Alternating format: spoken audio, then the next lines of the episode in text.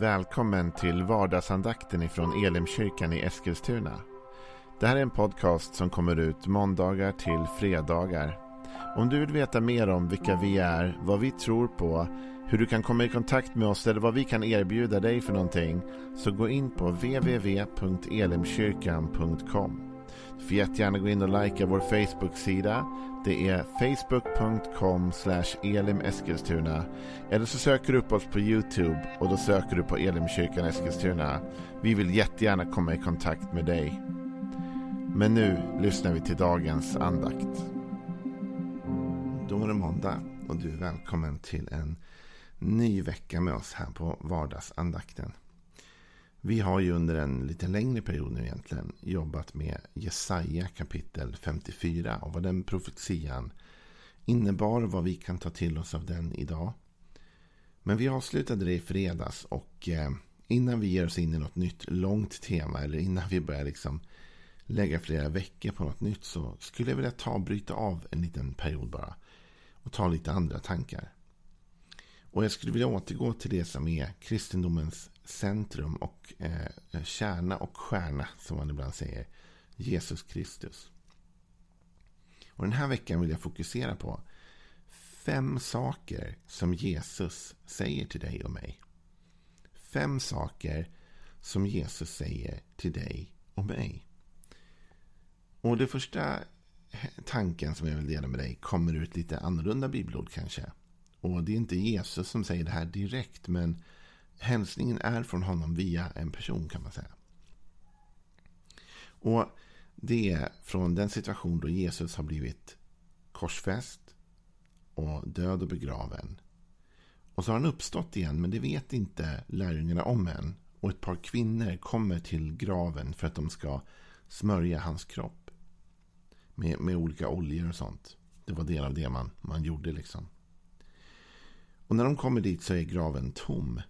Och de möter på en ängel istället som har ett budskap från Jesus till dem. Och jag tänkte vi ska läsa det. Vi hittar den texten i Markus kapitel 16. Och vi kan läsa ifrån den femte versen när de går in i den tomma graven. De gick då in i graven och såg en ung man sitta på höger sida klädd i en lång vit dräkt och de blev förskräckta. Men han sa till dem, var inte förskräckta. Ni söker Jesus från Nasaret, den korsfäste. Han har uppstått och han är inte här. Se, här är platsen där de la honom. Men gå och säg till hans lärjungar och särskilt till Petrus. Han går före er till Galileen. Där ska ni få se honom så som han har sagt er. Någon översättning av Bibeln säger att, att eh, de ska gå och hälsa till hans lärjungar och särskilt till Petrus. Det första Jesus säger till dig och mig kanske låter lite fånigt och grundläggande men kan vara en nyckel till så oerhört mycket mer. Och det är att Jesus säger hej. Jesus säger hej till dig och mig. När den här ängeln säger till de här kvinnorna att de ska gå till lärjungarna så säger han som sagt i någon översättning att gå och hälsa till dem. Säg hej till dem. Gå med ett budskap till dem. Och särskilt, särskilt ska ni säga hej till Petrus från mig. Och man kan undra varför det är så, så viktigt att det är just Petrus som får den här särskilda hälsningen från Jesus. Om du har läst din bibel kanske du känner till då. Om du inte har det så får du veta det nu då. Att det hade, knas, det hade knasat till sig lite kan man säga mellan Petrus och Jesus. Eller inte mellan Petrus och Jesus. Så mycket som mellan, alltså inte mellan de båda, men Petrus hade knasat till det. Därför Petrus hade förnekat Jesus. Tre gånger. Och han hade ju lovat att han aldrig skulle förneka Jesus. Men Jesus, han visste det från början och sa Petrus, innan, innan tuppen gav så kommer du tre gånger ha förnekat mig. Och Petrus är nog orolig. Han tänker, jag undrar vad min relation till Jesus är just nu. Jag undrar om vi har en god relation. Jag undrar om han är arg på mig. Jag undrar. Och du vet, när du hamnat i en situation med någon ibland. Där liksom man, man helt plötsligt, det skaver någonting i relationen. Om man har kommit i en konflikt eller man har liksom bråkat om något. Eller man har, så kan ett hej vara så förlösande. Alltså den person som går och tar kontakt igen och säger hej.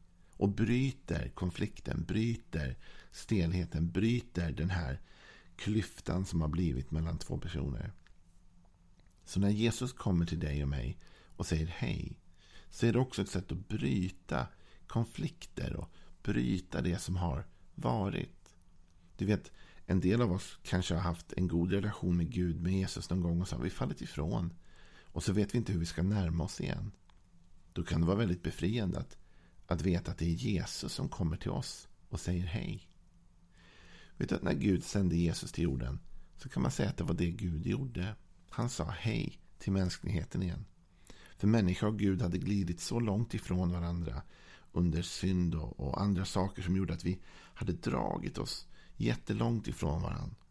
Men när Gud sände Jesus så är det på ett sätt också Guds sätt att säga hej till dig och mig. Att liksom återuppta kontakten, att bryta konflikten på något sätt. va?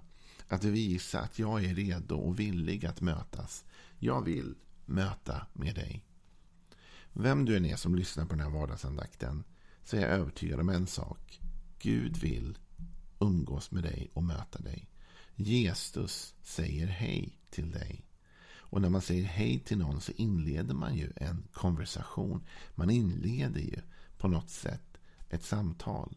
Man visar att jag ser dig och jag vill interagera med dig på något sätt. Jesus säger till de här kvinnorna genom den här ängeln så säger han Gå nu och hälsa till lärjungarna och särskilt till Petrus. Säg hej till dem. Säg att jag lever. Säg att jag finns.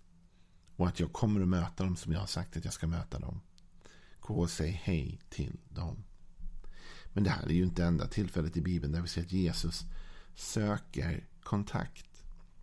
Vi har ett annat sånt tillfälle med en man som hette Sackeus. Och till skillnad från Petrus så hade ju Sackeus ingen liksom levande relation med Jesus. Det var inte så att han hade svikit Jesus, men han hade ingen relation med honom heller. Han hade hört om honom, han visste vem han var. Men Sackeus var egentligen inte så uppskattad i samhället. Han var en av de som folk såg ner på. Han var tullindrivare och det var ett, ett yrke som var föraktat kan man säga bland folket. För han jobbade ju åt ockupationsmakten då. Som, eh, åt Rom va, som ockuperade judarna. Och vi kan läsa i Lukas 19 och vers 1. Jesus kom in i Jeriko och vandrade genom staden. Där fanns en man som hette Sackeus. Han var förman vid tullen och han var rik. Han ville se vem Jesus var men kunde inte för folkets skull eftersom han var liten till växten. Då sprang han i förväg och klättrade upp i ett mullbärsfikonträd för att se honom eftersom Jesus skulle komma den dagen. När Jesus kom till det stället såg han upp och sa till honom Sackeus, skynda dig ner, för idag måste jag gästa ditt hem. Sackeus skyndade sig ner och tog emot honom med glädje. Och alla som såg det mumlade förargat. Han tog in hos en syndare. Men Sackeus stod där och sa till Herren Hälften av det jag har, Herre, det ger jag till de fattiga. Och har jag lurat någon på något, då betalar jag fyrdubbelt igen. Och Jesus sa till honom Idag har frälsningen kommit till det här huset. För också han är en Abrahams son. Människosonen har kommit för att söka upp det och frälsa det som var förlorat. Jesus säger hej till Sackeus. Sackeus är intresserad. Han vill veta mer om vem Jesus är. Men samtidigt så är det saker i vägen och han kommer inte riktigt fram. Det är mycket folk och, och han håller lite avstånd ändå. Han klättrar upp i ett träd för att kunna se åtminstone. Men det är Jesus som bryter distansen genom att säga hej till Sackeus. Det är faktiskt inte Sackeus som pressar sig fram till Jesus här. Utan det är Jesus som stannar upp vid Sackeus och säger hej Sackeus. Idag vill jag gästa ditt hem. Och det är oerhört starkt att det är Jesus som kommer dit och säger hej först. Och han bryter det där. Det finns mycket att säga om det här hejet till Sackeus. Jag menar, Sackeus var en person som inte folk ville hälsa på jämt. Han jobbade som sagt vid tullen, vilket inte var omtyckt. Han var rik och det kanske inte heller var omtyckt av alla. Han eh, förstår vi senare av texten, kanske till och med lurade folk på pengar där i tullen. Det verkade så. Så han hade mycket emot sig och folk tyckte då att den där personen, det är ingen man ska umgås med. Men Jesus sa hej till honom. Han såg det goda i Sackeus.